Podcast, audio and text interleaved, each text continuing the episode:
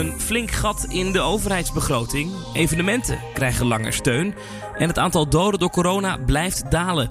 Mijn naam is Thomas van Groningen en dit is het belangrijkste coronanieuws van vrijdag 24 april 2020. Zometeen in deze coronacast ook nog een verhaal over de woningmarkt. Want een huis kopen, ja, ik moet er niet aan denken in deze tijd. Maar er zijn mensen die het nog wel doen. Dat straks. Eerst even naar de overheidsfinanciën. Want de coronacrisis slaat een flink gat in de Nederlandse begroting. Volgens de eerste schattingen stijgt het begrotingstekort tot 11,8% van het BBP, het bruto binnenlands product. Dat komt neer op een gat van 90 miljard euro blijkt uit de voorjaarsnota van het ministerie van Financiën. Het jaar is nog niet half voorbij en toch is de begroting voor 2020 door toedoen van het coronavirus al grondig bijgesteld. En er zullen dit jaar nog fikse aanpassingen volgen schrijft minister van Financiën Wopke Hoekstra aan de Tweede Kamer. Vandaag kregen zij die voorjaarsnota toegestuurd. Dat geeft al een eerste beeld van de veranderingen in de begroting van het lopende jaar, dit jaar dus. En daarin dus ook een grove inschatting van het saldo waar Nederland aan het einde van dit jaar op uitkomt. 90 miljard euro, dat is niet mis. 11,8% van het BBP. Ja, en over dat geld dat het kabinet uitgeeft, dat blijven ze nog wel even doen. Want het kabinet zal de steunmaatregelen voor bepaalde groepen ondernemers verlengen van drie naar zes maanden.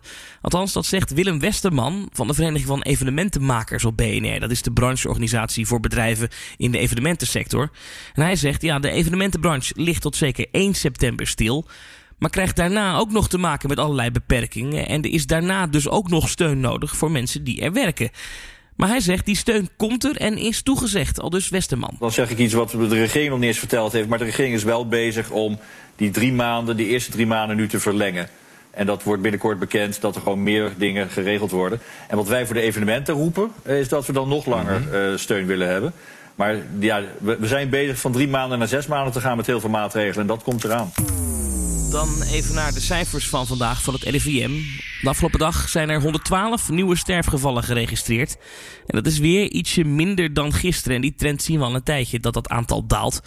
Het totale dodental als gevolg van corona staat nu op 4289. Het aantal mensen dat de afgelopen 24 uur in het ziekenhuis is opgenomen is met 123 toegenomen. En dat is ook weer lager dan gisteren. En dan toch even naar Donald Trump. Want Amerikaanse gezondheidsexperts die roepen burgers op om zich niet te injecteren met desinfectiemiddel. Ja, ik mag aannemen dat iedereen dat begrijpt. Maar ja, het is toch voor de duidelijkheid. Ze zien zich nu genoodzaakt om die oproep te doen nadat president Trump in een persconferentie zei dat desinfectiemiddel het coronavirus binnen één minuut kan doden. Right, and then I see the disinfectant where it knocks it out in a minute, one minute. And is there a way we can do something like that by injection inside or, or almost a cleaning. Ja, en artsen die waarschuwen nu dat het injecteren met dus bijvoorbeeld een bleekmiddel of een uh, Dettol of een ander merk levensgevaarlijk is. Doe het dus vooral niet. Maar ik ga er toch vanuit dat iedereen dat ook wel een beetje begrijpt. Maar nog één keer, doe het dus niet.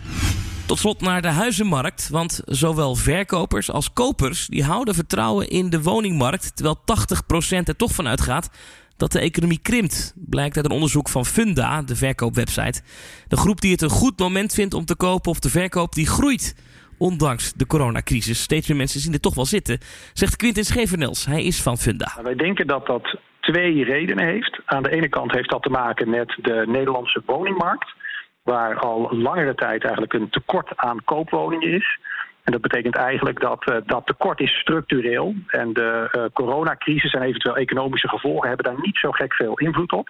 Dus we hebben het idee dat heel veel mensen al langere tijd op zoek zijn naar een koopwoning. En zich eigenlijk niet laten wegschrikken door de onzekerheid die er wellicht nu zou zijn. En de tweede factor die hier een rol speelt is natuurlijk dat wij uh, rente hebben die historisch laag staat. En dat heeft natuurlijk weer heel veel impact op uh, de, de, financierbaarheid van de woning en de kosten die daarmee gepaard gaan.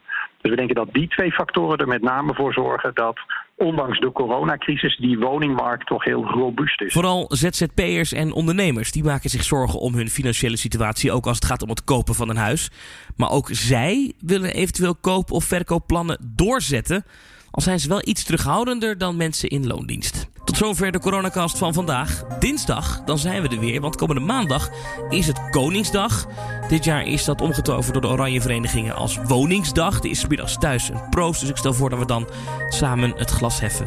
En dan wens ik u voor nu een goed lang weekend. En blijf gezond en blijf vooral binnen dit weekend.